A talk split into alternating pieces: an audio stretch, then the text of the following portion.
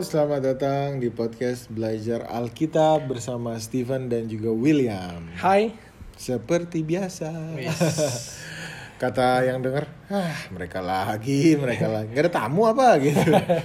Eh, lagi belum ada. Soalnya keadaan tidak memungkinkan. Tamunya adalah Roh Kudus. Amin. Amin. Oke. Eh, kita nih bahas apa ya? Kayaknya bahas hal-hal yang terjadi udah. Topik-topik yang pengen didengar, yang enak di telinga, misalkan jodoh juga, Juga udah. Tapi akhirnya gak gitu enak didengar ya setelah. Iya. Topik-topik yang juga wah nampar banget dari awal. Itu juga Ya udah. Apa yang harus kita bahas nih sekarang? Eh, apa ya? Apa yang harus kita pelajari sebenarnya? Ada nggak prinsip-prinsip yang sebenarnya Tuhan udah kasih, tapi kok kayaknya kita lupa atau kita nggak peduli atau kita udah lama banget nggak belajar? Apa? Ada nggak? Eh, ada sih. Sebenarnya ini adalah eh, eh, relate juga sama yang terjadi sama dunia kita sekarang ini kan. Hmm, Karena banyak udah mulai tuh ada bencana alam, malapetaka, ada eh, maksudnya hal-hal yang nggak enak eh, kayak tanda-tanda peperangan dan banyak orang juga akhirnya bilang wah ini semua terjadi gara-gara lu nggak menurut sama Tuhan. Hmm. Eh, gara- terus kayak misalnya orang bilang wah kalau ini negara ini nih kena tsunami nih misalnya dulu kayak di Jepang karena memang negara itu ada yang bilang kan di situ memang waduh moralnya tuh parah banget deh gitu kan Hmm. Dan orang selalu hidup ini mengait-ngaitkan kalau ada musibah Hmm. itu berarti ada yang kita langgar sama Tuhan Oke. dan apakah eh, memang kayak gitu gitu loh Karena sebenarnya masuk akal juga sih. Misalkan nih lampu merah, kita terobos, kita langgar, terus kita celaka, yaitu kita langgar. karena lu melanggar rambu-rambu kan Bener rambu-rambu. Nah ini ada nggak rambu-rambu Tuhan yang bisa kita pelajari? Karena kata orang kan jangan melanggar rambu prinsip-prinsip Tuhan. Nanti kena bahaya apa segala macam. Ya. Ada nggak? Nah, ini yang kita mau coba pelajarin hari ini. Apakah memang rambu-rambu itu bisa, apakah ada hubungannya dengan kejadian-kejadian atau eh, hal-hal buruk yang terjadi gitu kan? Dan apakah rambu-rambu itu memang Tuhan ada buat gitu loh buat kita? Hmm, jadi sebenarnya kalau melanggar rambu-rambu itu belum tentu juga ya bisa bahaya. Nah, ini yang kita pengen lihat juga kan di sini. oke, oke. Nah, em, tapi sebelum itu rambu, kalau kita ngomongin rambu-rambu itu kan kayak lampu merah, marka jalan dan sebagainya. Tapi kalau di dalam eh, Alkitab. Alkitab, rambu-rambunya itu apa? Sebenarnya sih ada yang prinsipal banget yang dikasih sama Tuhan dari awal dan Tuhan ngomong langsung ke umatnya, Ya, yaitu bangsa Israel melalui Musa, yes. yaitu 10 hukum Taurat. Ya. Jadi eh, kalau memang 10 hukum itu gue masih inget deh waktu zaman waktu SD itu udah diajarin gitu. Dan gue memang terakhir baca dan belajar hukum 10 hukum ini SD. SD ya. Cuma disuruh baca dan hafal. Oke, masih hafal nggak? Udah enggak? Udah nggak hafal. Oke, Em, dan di Alkitab kan juga ngomong di buku Matius itu bahwa ada yang tanya ke Tuhan Yesus kan, Tuhan Yesus itu hukum yang utama itu apa gitu kan? Lalu Tuhan Yesus ngomong hukum yang terutama adalah mengasihi Tuhan Alamu dengan segenap hatimu. Oke. Itulah hukum yang utama dan terutama. Tapi eh, yang kedua adalah mengasihi sesamamu manusia. Hmm. Jadi kalau Tuhan Yesus itu bilang cuma ada dua hukum Oke. mengasihi Tuhan Alamu dengan segenap hatimu sama mengasihi sesamamu manusia Oke. vertikal sama Horizontal. horizontal. Nah, cuman kalau di zaman Musa itu 10 hukum. 10. Kok kayak kayak beda Banyak- gitu ya, satu banget. dua satu sepuluh gitu. Tapi kalau kita teliti lagi, rupanya di dalam 10 hukum itu tuh eh, itu dibagi dua menjadi itu. Makanya ada dua loh batu kan. Hmm. Hukum 1 sampai ke 4 itu ngomongin tentang kita mengasihi Tuhan. Oke. Dan hukum 5 sampai 10 itu ngomongin kita mengasihi sesama manusia. Oh iya benar. Nah, Ya, ya, ya. jadi em, kita untuk beberapa minggu depan bakal ngomongin tentang bahas nih hukum Allah satu persatu. Dan kita akan bahas hukum Allah yang mengasihi Allah terlebih dahulu. Ya, baru nanti kita mungkin ada beberapa topik lain baru kita lanjutin ke hukum yang 5 sampai 10 ya. Oke. Oke, jadi kita akan mulai dengan eh, Hukum pertama. ya sebenarnya kita mau lihat dulu hukum Allah itu apa sih? Hmm, Gitu oke. ya. Eh, coba itu kita mulai baca di Mazmur 19 ayat 7. Em, jadi kalau misalnya kita baca, gue langsung baca bahasa Inggrisnya aja karena di King James Version ini lebih tepat. Tapi nanti mungkin Stephen bisa bantuin baca di bahasa Indonesianya Mazmur eh, 19 ayat 7. Oke. Taurat Tuhan itu sempurna, menyegarkan jiwa. Peraturan, peraturan Tuhan itu teguh, memberikan hikmat kepada orang yang tidak be- berpengalaman. Oke. Jadi eh, kalau bahasa Inggrisnya ngomong the law of the Lord is perfect, converting the soul. The, the testimony of the Lord is sure, making the wise simple. Hukum Allah itu perfect, ya. nggak ada celak gitu kan. Dan kalau dipelajari dengan benar itu bisa merubah hidup kita. Hmm. Jadi akhirnya se- semakin banyak kita belajar hukum Allah, akan semakin besar kuasa yang kita punya untuk bisa merubah karakter kita. Oke, amin ya. Ya, jadi Semoga dengan kita belajar hukum Allah satu persatu ini kita bisa makin oke karakternya ya. Dan kalau misalnya kita ngomong rambu-rambu jalan itu cuman buat ingetin kita bahwa kapan stop, kapan jalan, kapan harus kecepatan sekian, kapan nggak boleh belok sini dan sana. Hukum Allah itu nggak cuman kasih peringatan loh. Tugasnya bukan cuman negur, Hmm. tapi tugas kalau bener-bener dipelajari itu bisa merubah kita, merubah karakter kita. Hmm. Oke. Oke, em, coba kita lihat lagi di Galatia 3 ayat 21. Kalau demikian, bertentangankah hukum Taurat dengan janji-janji Allah? Sekali-kali tidak, sebab andai kata hukum Taurat diberikan sebagai suatu yang dapat menghidupkan, maka memang kebenaran berasal dari hukum Taurat. Oke, dengan kata lain memang ini bahasanya agak agak susah dimengerti gitu ya. Tapi dengan kata lain kalau kita rangkum ini ngomongin kalau aja kita bisa hidup ke standar yang seperti hukum Taurat atau hukum Allah ini katakan, Hmm. maka kita udah bisa dibenarkan. Kalau aja loh kita bisa ke standar itu dan tidak bercelah. Oke. Masalahnya kita tahu itu nggak bisa kan. Kita pernah bahas beberapa episode yang lalu. Hmm. Oke, kita lihat ayat lagi di Mazmur 119 ayat 96 sampai 97. Hmm. Aku melihat batas-batas kesempurnaan tetapi perintahmu luas sekali. Betapa ku cinta Tauratmu, aku merenungkannya sepanjang hari. Oke, di sini kita lihat bahwa tadi hukum Taurat itu bisa merubah hidup kita. Ya. Dan kalau kita bisa sampai standar hukum Taurat, itu kita sudah di- bisa dibenarkan lah di hadapan Tuhan. Tapi kan nggak memang nggak bisa. Tapi di sini kita lihat lagi hukum Taurat itu cakupannya besar banget loh dalam hidup kita. Hmm. Tapi sebesar apa sih kan hukum Taurat yang pertama nih jangan ada padamu Allah lain di hadapanku. Keluaran 20 ayat 3. Kayak gitu maksudnya hukum Taurat ini artinya sebesar apa? Kan Tuhan cuma bilang bahwa ya jangan ada Allah lain di hadapanku, jangan menyembah hal lain, Kayaknya simple, doang. simple banget kan ya. Udah jangan menyembah Allah lain. Terus apa besarnya kan kita pikir Terus kayak apa gitu. luas artinya? Nah, justru karena kita udah dikasih background tadi, kita mau bahas nih hari ini emang apakah memang benar Hmm. cakupannya luas? Apakah memang benar rambu-rambu ini bisa ada hubungannya dengan keadaan manusia dan bisa merubah keadaan manusia sekarang gitu loh. Nah, eh, jadi tadi eh, kita udah baca eh, bahwa hukum pertama itu adalah jangan ada padamu Allah lain di hadapanku. Sekarang menjadi pertanyaan adalah gimana caranya supaya Allah bisa menjadi yang pertama dalam hidup lu sama gua? Oke, tidak ada yang lain. Ya, kan kita cuma tahunya jangan ada padamu Allah lain. Oke. Tapi Berarti itu artinya harusnya Allah yang pertama. ya, tapi aplikasinya sekarang gimana caranya supaya jangan ada Allah lain di hadapan kita? Bukannya udah ya, karena kita kan nggak nyembah hal lain. Apakah sekedar hanya dengan gua ke gereja seminggu sekali itu menyatakan gua ada menyembah Allah yang benar dan gak ada Allah lain? Apakah dengan berdoa eh, pagi siang malam dan baca Alkitab pagi malam itu cukup gitu loh? Nggak gitu ya? Nah, Coba, ini kita coba kali. Yeremia 31 ayat 33.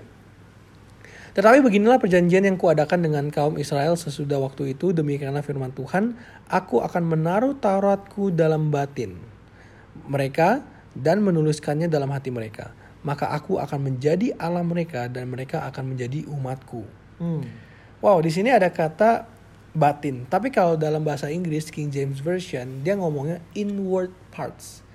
Nah, inward parts itu apa? Jadi Tuhan itu akan naruh hukum Taurat di dalam bagian diri kita yang paling dalam. Hmm. Dan kalau itu udah terjadi, maka Allah akan menjadi Allah mereka dan kita akan menjadi umat, Umat Tuhan. Allah. Hmm. Artinya untuk menjadikan uh, Allah itu adalah yang nomor satu, bukan yang outward loh.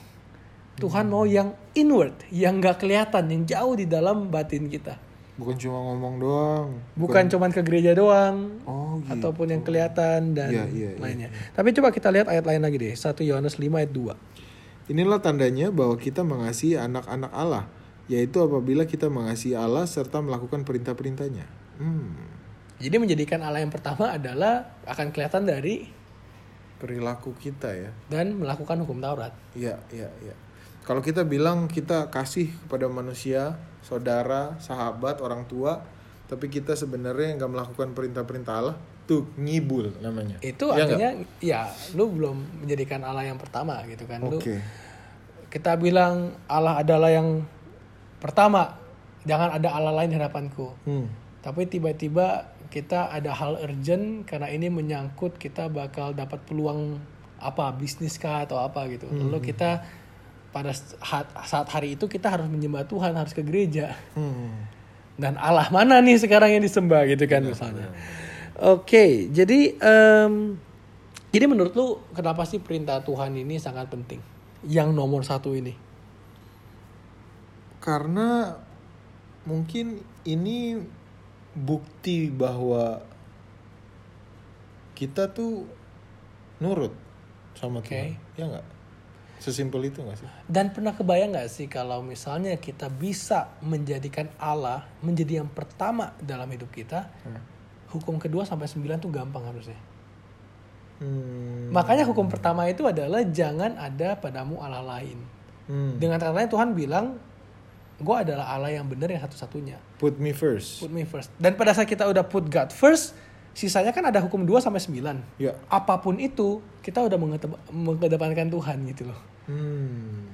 Makanya hukum Allah dimulai dengan ini. Ya. Kesampingkan Allah-Allah lain gitu. Oke. Tapi membuat Allah pertama tuh kan kedengarannya gampang ya. Ya. Cuma kalau dipikir-pikir lagi sebenarnya kita nih lebih mementingkan diri kita gak sih daripada Allah? Seringnya kayak gitu. Karena kan misal nih kita pengennya A B C D E F G pengennya hura-hura apa segala macem tapi Allah kan nggak pengen kayak gitu jadi itu nggak put eh, Allah first dong Mungkin kita ada ayat yang bisa ngebantu jawab itu ada di kisah 24 ayat 16. Kisah 24 ayat 16 Sebab itu aku senantiasa berusaha untuk hidup dengan hati nurani yang murni di hadapan Allah dan manusia Oke, di sini itu ngomongnya hati nurani. Hati nurani itu apaan sih? Kalau bahasa Inggrisnya tuh bilangnya I have a conscience towards God. Conscience itu adalah apa ya perasaan kita yang mendalam kayak ada suara Hmm. yang dalam hati kita yang ngasih tahu kayaknya ini bener deh, kayaknya ini salah. Hmm Dan di sini dibilang aku senantiasa hidup tapi pingin mempunyai suara itu Hmm. untuk bisa murni di hadapan Allah dan manusia. Ya. Masalahnya kita itu pas ngomongin hati nurani, kita nggak mikirin itu untuk Allah. Hmm. Kayaknya ini bagus buat gua. Oke. Kayaknya ini bahaya ini buat gua kalau gua begini. Tapi pernah nggak sih kayak kayaknya Tuhan suka nggak sih kalau gua ngelakuin hal ini? Gitu. Mungkin kita lihat lagi eh, ayat yang lain untuk ngomongin yang ini. 2 Timotius 1 ayat 3. Aku mengucap syukur kepada Allah yang kulayani dengan hati nurani yang murni seperti yang dilakukan nenek moyangku. Dan selalu aku mengingat engkau dalam permohonanku baik siang maupun malam. Hmm. Jadi di sini kita lihat melayani Tuhan itu juga dengan hati nurani yang murni. Kalau bahasa Inggrisnya lagi pure conscience gitu. Jadi em, kalau dalam perjanjian baru bahasa Inggrisnya tuh ngomongin conscience. Hmm. Dalam perjanjian lama itu kalau ada kata fear God itu ngomongin hal yang sama. Hmm. Itu cuman cuman di kata yang eh, berbeda aja gitu. Oke, artinya tulus gitu ya. Ya. Bukan cuma tampak di luar bahwa kita A B C D E F kayaknya melayani, tapi memang benar-benar dari hati kita mikirin bahwa oh ini buat Tuhan. Ya. Ini bukan karena orang itu pengen gue deketin jadi gue ikutan pelayanan bareng dia enggak. Tapi atau ini kalau buat Tuhan. bukan karena kalau gue ikut pelayanan ini gue bisa untung dan Oh. atau kalau gue ikutnya wah gue rugi nih secara waktu secara tenaga bukan gitu tapi lebih kepada hati nurani kepada Tuhan. Tuhan, conscience towards God gitu kepada Tuhan makanya kalau kita pikir siapa sih di dunia ini tuh yang menjadi musuh terbesar Allah selain setan Siapa yang menjadi musuh Terbesar terbesar Allah selain selain, setan? setan? Siapa? ya diri lu sama diri gue Oh, diri kita sendiri. yes Karena kita mementingkan diri kita sendiri. Kita ada hitung-hitungannya. Oh, kalau gua melayani Allah di A, berarti gua dapat keuntungan segini. Ah, tapi kalau ke B, gua banyak habisin waktu. Udah gua nggak usah deh gitu. ya dan Oke, kita mementingkan diri sendiri. Iya, iya. itu juga kejatuhan setan gitu loh. Setan itu jatuh karena dia mau menjadi yang pertama, yang disembah. Pokoknya I will, I will, I will. Makanya kadang kalau kita lihat em, kenapa sih untuk mempunyai hati nurani terhadap Allah, conscience towards God ini dalam era sekarang ini agak sulit. Hmm. Kita ngomongin Instagram, kita mau posting sesuatu untuk dapetin likes. Ya, buat diri kita. Buat kita supaya merasa nyaman pada saat orang makin banyak like-nya ke kita gitu Hmm. atau kita mau bikin konten supaya ditonton gitu. Ya. Em, jadi ya Lagi-lagi mi mi mi mi mi. jangan bukan bukan kita bilang itu salah dan nggak boleh enggak, cuman jangan sampai kita di tahap it's about me gitu loh. It's all about me, ya. It's all about me. Nah dan masalahnya pada saat yang eh, itu terjadi itu membuat kita men- susah menjadikan Allah yang pertama. Pada saat it's all about me, it's not about God gitu loh. Iya, pasti sih. Bener Dan sih. me itu akhirnya jadi kesombongan, Hmm. jadi pride. Hmm. Bukan kalau kita udah nggak ngomongin kesombongan yang nyata yang kayak wah pokoknya dia pamernya banget ya. iya wah punya motor baru langsung di greng greng greng. Kayaknya nggak se itu juga, tapi kan bisa sombong yang yang elegan gitu kan. Hmm. hmm, hmm. Jadi tiba-tiba, ayo lu mau pulang bareng gua nggak? Boleh. Tiba-tiba udah ada motor baru gitu kan. Iya, iya, Atau enggak, jadi ba- banyak lah orang tapi ujung-ujung sebenarnya it's about me, pride gitu, Hmm. kesombongan gitu. Oke. Nah, berarti memang susah banget untuk menjadikan Allah tuh yang pertama gitu. Ya. Terus gimana caranya untuk kita mengesampingkan kepentingan kita? Oke. Ada nggak solusinya dari Alkitab? Ada, ada beberapa ayat eh, kita mulai dari Amsal 3 ayat 5 sampai 6.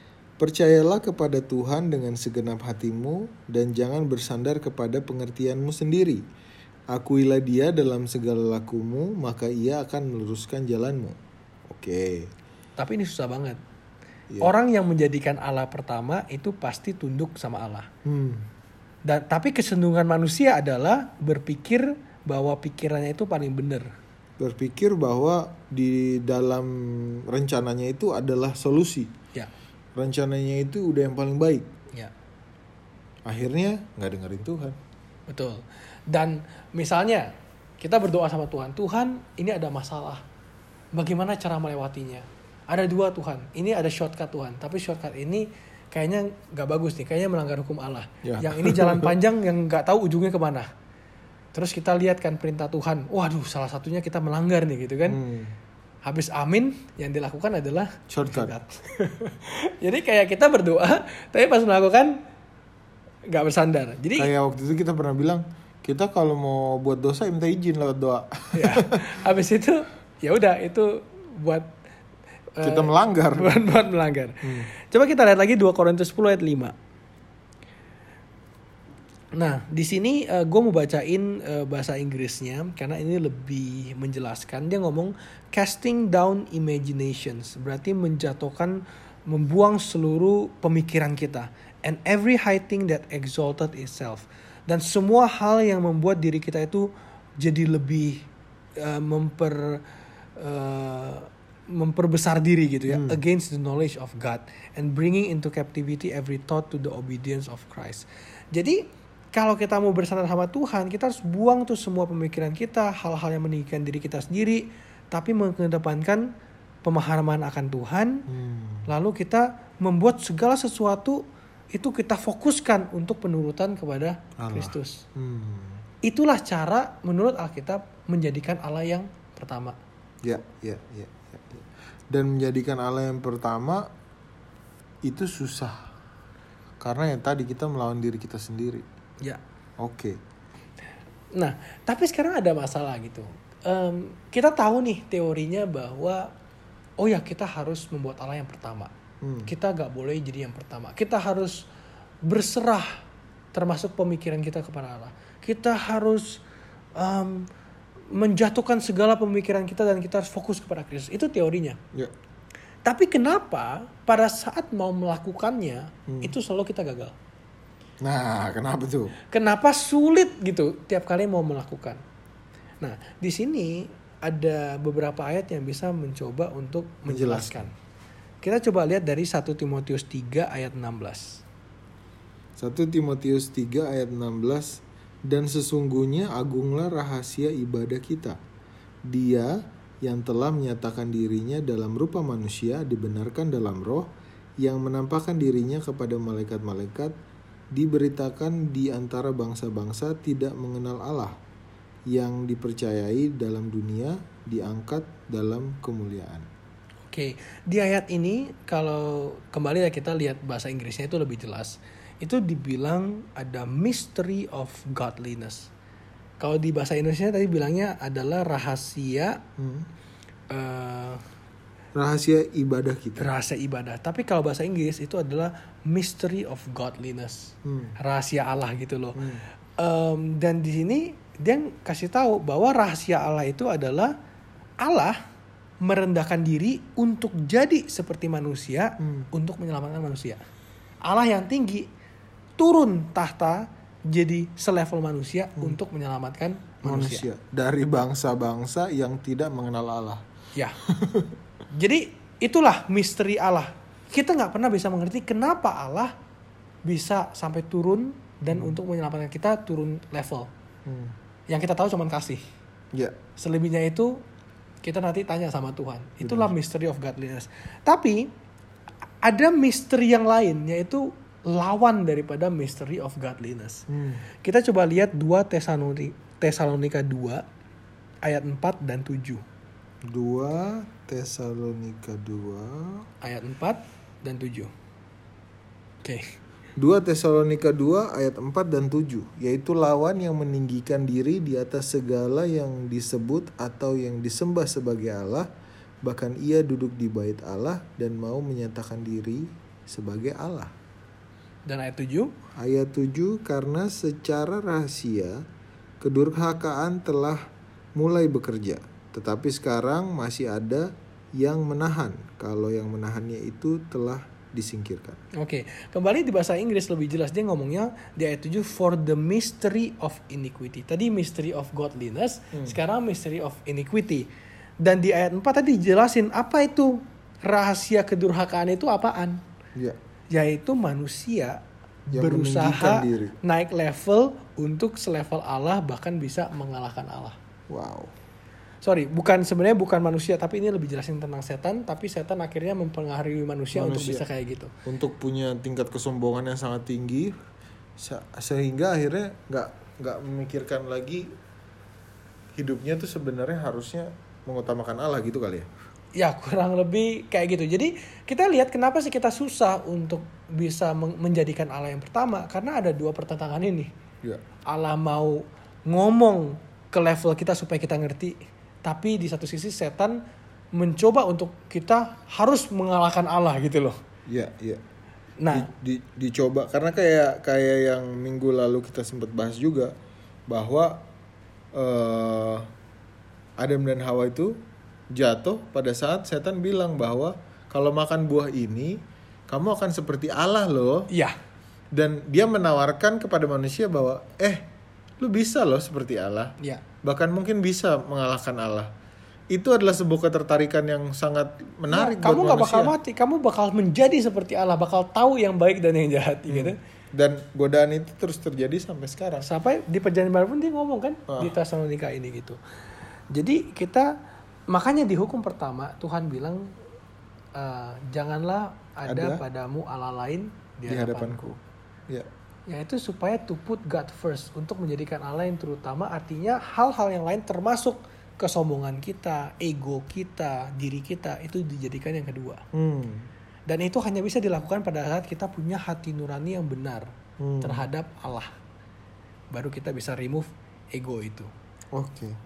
Oke. Nah, dan kalau kita lihat kalau kita selalu tempatin Allah menjadi yang pertama, itu hidup kita bakal kayak gimana sih? Soalnya tadi kita bahas kan apakah ada hubungannya dengan keadaan dunia ataupun eh, hal-hal yang terjadi dalam hidup kita kalau kita melakukan ram- rambu-rambu yang Tuhan udah kasih gitu. Apa efeknya buat kita? Betul. Dan kita akan lihat di eh, Filipi 3 ayat 8 sampai 10. Malahan segala sesuatu kuanggap rugi karena pengetahuan akan Kristus Yesus Tuhanku lebih mulia daripada semuanya. Oleh karena dialah aku telah melepaskan semuanya itu dan menganggapnya sampah supaya aku memperoleh Kristus dan berada dalam dia bukan dengan kebenaranku sendiri karena menaati hukum Taurat melainkan dengan kebenaran karena kepercayaan kepada Kristus yaitu kebenaran yang Allah anugerahkan berdasarkan kepercayaan yang ku yang ku kehendaki ialah mengenal dia dan kuasa kebangkitannya dan persekutuan dalam penderitaannya di mana aku menjadi serupa dengan dia dalam kematiannya. Wah jujur pas baca tulisan Paulus ini ini kayak serius gitu ngomong kayak gini semua hal dianggap sampah gitu. Ya. Paulus itu orang yang ternama punya posisi, punya pengaruh, Hmm. punya harta, punya semuanya. Terus dia bilang itu sampah. Ya. Itu dia kayak sarcasm gitu atau memang kayak gitu kan. Harusnya sih emang karena kayak gitu ya. Dan memang susah banget mengerti Hah, orang yang punya semuanya bisa ngomong itu semua sampah dan really mean it gitu. Dan dia meninggalkan semuanya itu Dan beneran dia tinggalin kan? untuk mengenal Kristus. Ya.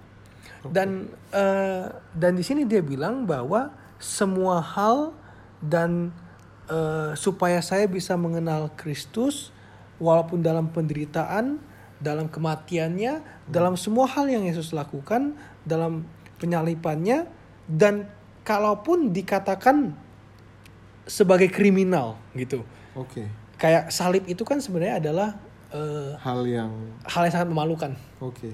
orang kalau mencuri doang sama sekali nggak bakal disalib sih. Hmm. Tapi kalau disalib dipertontonkan kematiannya itu udah benar-benar yang terkutuk. Tapi nggak apa-apa kata Paulus. Dia mau turut merasakan itu karena dia harus menjadi seperti Kristus untuk bisa hi- mengerti dan menyerahkan hidupnya sepenuhnya buat Kristus. Iya, iya, iya, iya, iya. Berarti ini sebenarnya ajakannya adalah mungkin kita sebenarnya sendiri tahu bahwa hal-hal apa yang biasanya tuh kita sangat selfish gitu. Ya. Kita sangat uh diri kita banget tuh di hal apa sih? Ya. Apakah soal uang misalkan atau soal berpendapat? Kadang orang kan nggak bisa tuh. Tahu Pokoknya pendapat. gua harus menang dalam pendapat Betul. ini. Mau gua kelihatannya apa asal-asalan, mau gua ngomong kasar, yang penting pendapat gua harus diterima. Iya. Atau dalam hal misalkan eh apa lagi ya? Dalam hal At- Gak usah dalam hal berpendapat, dalam kompetisi, dalam dalam olahraga aja deh. hmm, Kalau kita nggak menang, kayaknya kurang afdol gitu. Bener. Bisa berantem gitu kan. atau dalam hal ini deh, eh, berusaha, Ya, punya usaha gitu. Ah, kalau pakai cara Tuhan mah rugi, ya, nggak untung besar. ya. Naikin lah dikit curang-curang. Kalau gua agak untung dan gua akhirnya nggak punya apa-apa, gua diketawain temen-temen gua Benar. dan nah, segala macamnya gitu. Tapi poinnya di sini adalah pada saat menempatkan Tuhan yang pertama, itu rela dengan kondisi apa pun, berserah sama Tuhan dan ya udah kalau memang jalannya itu harus memikul salib dan menyangkal diri jadilah gitu loh Hmm. Oke. dan ini yang ngomong Paulus dan dia telah menjalani hidup seperti itu Uh, sulit ya. Semoga bisa nih kita nih. Harusnya bisa sih minta penyertaan Tuhan. dan kalau lu udah kayak bayangin nih kalau udah bisa sampai kayak gitu hukum yang mana yang lu gak mau ini jangan mengingini barang orang lain hukum ke 10 misalnya Udah pasti. udah pastilah gua aja rela miskin buat Tuhan gitu kan Ngapain gue inget barang ngapain lain? gua harus mengingini orang lain gitu Oke. oke. jangan mencuri ngapain gue harus mencuri gue udah God is first gitu kan oke nah tapi di kontrasnya gimana kehidupan orang yang tidak menempatkan Allah menjadi yang pertama Nah ini mungkin ayat ini ngebacain kita nih sebenarnya. ya. Iya kan? mudah-mudahan enggak ya tapi kalau tersen apa Tersentil ya nggak apa-apa. apa-apa. Namanya ini Tuhan ingetin kita masing-masing. Mazmur 10 ayat yang keempat Mazmur 10 ayat keempat. Kata orang fasik itu dengan batang hidungnya ke atas, Allah tidak akan menuntut. Tidak ada Allah, itulah seluruh pikirannya. Oke, kalau pikiran orang fasik itu, ini kan ngomongnya batang hidungnya naik, jadi kayak sombong gitu. Oh, oke. Tapi bahasa Inggris memang gitu, dia bilangnya the wicked through the pride of his countenance. Jadi Hmm. orang jahat, orang fasik dengan kesombongannya, Tuhan itu nggak ada di dalam pemikirannya. Itulah orang fasik. Jadi kalau kita tiap hari nggak mikirin Tuhan, Ya, udah pasti keputusan-keputusan kita nggak mementingkan Tuhan. artinya kita mementingkannya diri kita sendiri. Yoi. Pemikiran kita diri kita gitu. Jadi termasuk orang fasik. Itu menurut Alkitab. Coba lihat lagi di Wahyu 3:17. Karena engkau berkata, aku kaya dan aku telah memperkaya diriku dan aku tidak kekurangan apa-apa. Dan karena engkau tidak tahu bahwa engkau melarat dan malang, miskin, buta dan telanjang. Oke, Orang fasik itu katanya bilang ke Tuhan, aku nggak kekurangan kok. Hmm. Bahkan gak bilang ke Tuhan, bilang ke semua orang. Iya. Gue nih kaya, gue gak kekurangan apa-apa. Tapi di mata Tuhan ternyata Dia dia, nggak tahu dia malang, melarat, miskin, Buta. buta dan telanjang. Dan kenapa mungkin kita nggak ngomong kayak gini, tapi attitude kita menunjukkan itu. Kita bangun nggak berdoa, kita bangun nggak baca Alkitab, seharian nggak mikirin Tuhan, tidur pun cuma berdoa sebentar, seolah-olah kayak itu formalitas. Seolah-olah itu ritual yang kita bikin aja Berarti sendiri. lu butuh Tuhan gak sih? Sebenarnya kalau kayak gitu gayanya sih kayaknya nggak butuh Tuhan. Cuma cuma laporan aja. Mungkin dianggapnya Tuhan satpam kali. kayak Pak, yuk malam gitu. Iya nggak sih? Iya, Kayak memang. lewat portal rumah gitu. Pagi Yuk, Pak, yuk kantor dulu Pak, bentar. Iya nggak? Bertahun-tahun ketemu sama satpam itu isinya coba, yuk Yuk, pagi. pagi Pak Edi, ya, ya pagi Pak, gitu aja. Iya, pengalaman Ya kan? pribadi ya. Pengalaman pribadi gue banget. Bahkan dulu kalau sama Tuhan nggak ada sapa-sapanya. Mungkin Tuhan ibaratnya ya, misalkan ya, mungkin Tuhan ada di pos itu gitu. Ya. Tapi nggak ada, nggak ada sapa-sapa. Lewat, lewat, lewat. Mungkin sesekali kalau, eh Pak, apa kabar Pak? Malam Pak, Eh, gitu doang. Iya. Bulak balik, bulak balik, Bertahun-tahun gitu. nggak jelas. Lu inget mukanya tapi lu gak pernah tahu orangnya kayak gimana. Gimana? Nggak pernah ngobrol, nggak pernah cerita. Ya itu kalau kita sebenarnya merasa bahwa diri kita kuat, Ya. tahu, berasa pinter, berasa semua yang yang kita dapetin tuh cuma karena usaha kita. Ini kata Tuhan di sini kita merasanya kaya banget. Ya. Tapi di mata Tuhan kita nggak tahu apa. Melarat. Bahkan waktu bahasa Israel waktu itu mau masuk ke tanah perjanjian, itu Tuhan sampai ngomong gini di Ulangan 8 ayat 12 sampai 14. Dan supaya apabila engkau sudah makan dan kenyang mendirikan rumah-rumah yang baik serta mendiaminya dan apabila lembu sapimu dan kambing dombamu bertambah banyak dan emas serta perakmu bertambah banyak dan segala yang ada padamu bertambah banyak jangan engkau tinggi hati sehingga engkau melupakan Tuhan Alamu yang membawa engkau keluar dari tanah Mesir dari rumah perbudakan. Hmm. Tuhan udah ingetin nanti kalau kamu udah kaya kecenderungan kamu bakal lupa nih sama aku. Iya. ya. Dan itu yang yang Tuhan Ingetin. ingetin. Nanti udah punya status, punya reputasi, punya pekerjaan bagus Hmm. dan itu semua harus ingat karena Tuhan. Oke. oke. Nah, terus ada lagi di Mazmur 49 ayat 11. Mazmur 49 ayat 11. Kubur mereka ialah rumah mereka untuk selama-lamanya, tempat kediaman mereka turun temurun. Mereka menganggap ladang-ladang milik mereka. Oke, eh gue kurang suka translation yang kubur mereka karena bahasa Inggrisnya ngomong their inward thought. Ah, Jadi pikiran mereka yang paling dalam itu adalah rumah mereka, Hmm. pekerjaan mereka itu akan terus berjaya sampai selama-lamanya. oke. Bangun rumah untuk generasi berikutnya dan supaya nama keluarga dan apa yang sudah ditimbun ini akan terus dipas on ke generasi berikutnya. Hmm. Itu tanda-tanda ke- kefasikan katanya. Lalu mereka memanggil ladang mereka dengan nama mereka. Itu tanda-tanda kesombongan lagi kan. Hmm. Kesombongan diri. Oke.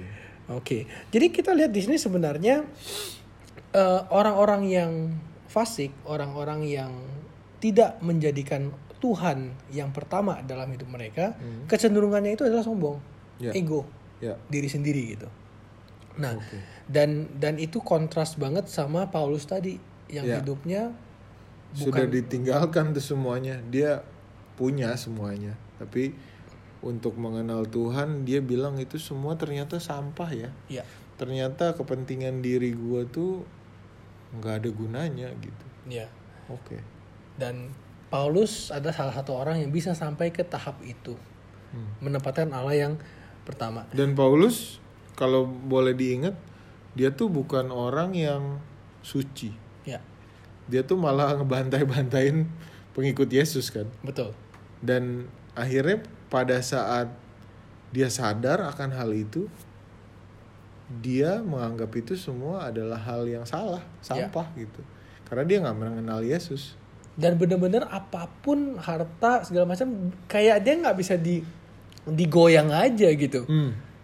udah yang penting buat Tuhan aja kayak kita lihat Petrus pun begitu dia memang buat salah waktu itu Ya. menyangkal Yesus tapi di akhir hidupnya disalib pun dia nggak berani untuk kayak Yesus dia maunya dibalik Oke. Itu. Jadi jadi em, kalau kita rangkumin pelajaran tentang hukum yang pertama ini sebenarnya ini intinya apa sih?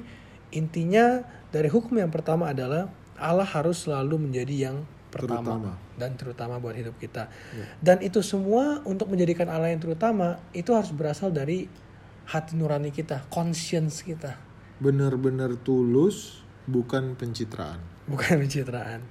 Nah, dan kalau Allah itu udah jadi yang terutama, maka yang ada conscience itu berubah menjadi Rendah hati. kerendahan hati. Hmm. Bukan lagi diri sendiri gitu. Tapi kalau conscience itu salah, bukan terhadap Allah tapi terhadap yang lain, maka itu akan menjadi Kesombongan. kesombongan. Oke. Kita bisa lihat kontrasnya di situ ya. Oke, oke, oke, oke, oke. Oke. Nah, eh, mungkin eh, jadi buat kita itu aplikasinya apa sih Iya. yang kita bisa lakukan udah mengetahui wah ternyata hukum pertama ini luas ya cakupannya gitu loh. Hukum pertama ini ternyata berbicara tentang lawannya Tuhan selain setan yaitu diri kita sendiri. Iya. Oke. Dan bagaimana kalau menjadikan Tuhan yang pertama, hal-hal lain itu akan dengan mudah kayak kita singkirkan gitu. Hmm. Bukan itu lagi fokusnya. Ya. Jadi mungkin kita bisa mulai buat teman-teman yang mau mencoba untuk mengaplikasikan hukum ini, kita bisa mulai dengan eh, review lagi, baca lagi, coba hukum pertama ayat-ayat yang kita- tadi kita udah bahas, coba kita renungkan lagi. Hmm. Lalu mungkin kita bisa kayak tulis gitu loh, ambil satu buku khusus buku ini buat renungan kita. Kita bisa list dalam semua aspek kehidupan kita di mana eh, jadi mengenai hukum pertama ini, yang mana yang kita belum menuruti, yang mana kita masih membuat diri kita yang pertama gitu loh. Hmm. Yang mana kita sudah menjadikan Allah yang pertama. Jadi kita bikin aja listnya. Oke, oke. Dan pada saat kita lihat, wah ternyata banyak yang gue menjadikan diri gue yang pertama. Kita doakan tiap hari list itu. Hmm. Kita doain list-list negatif tersebut ya. Kita doain, kita renungkan, Kita akui dosa dan kesalahan kita. Kita minta maaf. Lalu kita coba rubah Tuhan, gimana saya bisa rubah? Kalau selama ini misalnya yang saya posting adalah mau pamer doang isinya gitu. Hmm. Mungkin saya bisa posting dengan hal-hal yang lebih membangun orang lain, misalnya kayak gitu. Oke. Jadi eh, atau enggak mungkin dalam hal em, banyak hal lah misalnya kita mau berangkat kerja lalu kita di kendaraan umum selalu mementingkan gimana caranya biar gua nyaman dan gue bisa duduk sepanjang perjalanan Ya. tapi lebih kepada sekarang eh, Mementingkan orang lain siapa yang bisa saya bantu hari ini Tuhan yang lebih gitu. butuh ya nggak sih? ya Oke. dan itulah inti daripada hukum yang pertama Hmm. Oke. Semoga kita bisa kuat karena mementingkan Tuhan, menjadikan Tuhan yang utama itu susah sebenarnya. ya Secara jujur-jujuran aja susah. Mungkin ada di beberapa aspek kita bisa gitu. Hmm. Tapi lagi-lagi setan tuh paling tahu kelemahan kita. ya Dia pasti senang di bagian yang kita lemah, dikorek-korek. Nanti kita akhirnya mementingkan diri sendiri lagi, mementingkan diri sendiri lagi. dan yang setan pasti serang adalah diri kita Ya, karena kalau self kita pride kita itu disentuh itu biasanya kita akan jatuh. Terpancing biasanya. ya. Oke. oke thank kita you. akan bahas yang kedua. Ya minggu depan. Minggu depan. Teman-teman juga bisa udah mulai belajar terlebih dahulu mungkin. Atau baca ke 10 hukum karena udah lupa. ya.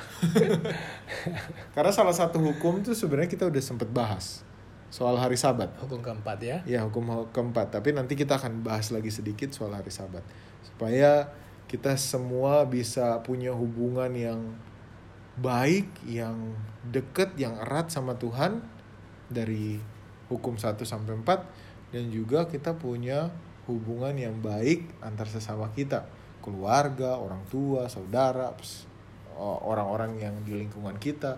Kita punya hubungan yang baik sama Ya. semuanya. Wow. Yuk, Oke. kita berdoa. Tuhan, Allah Bapa kami yang di surga, kami bersyukur atas hukum Tuhan. Tuhan, kami menyadari dan kami melihat bahwa hukum Taurat Tuhan bukan hanya sebagai peraturan, tapi hukum Tuhan diberikan untuk bisa kita mempunyai pengalaman pribadi dengan Tuhan. Bagaimana kita selalu diingatkan untuk bisa menempatkan Tuhan yang pertama. Tuhan kami tahu bahwa ini adalah tantangan yang paling sulit yang kami bisa lakukan dalam hidup kita. Dan kami berdoa ya Tuhan bahwa Tuhan akan memberikan kami kekuatan melatih kami dari hal yang terkecil untuk bisa memfokuskan diri kepada Tuhan, membuang jauh-jauh diri kami supaya kami akan menjadi orang yang rendah hati, kami akan berubah dan kami bisa mencapai titik di mana kami betul-betul menempatkan Tuhan yang pertama dalam hidup kami. Terimalah doa ini ya Tuhan, di dalam nama Tuhan Yesus kami telah berdoa. Amin. You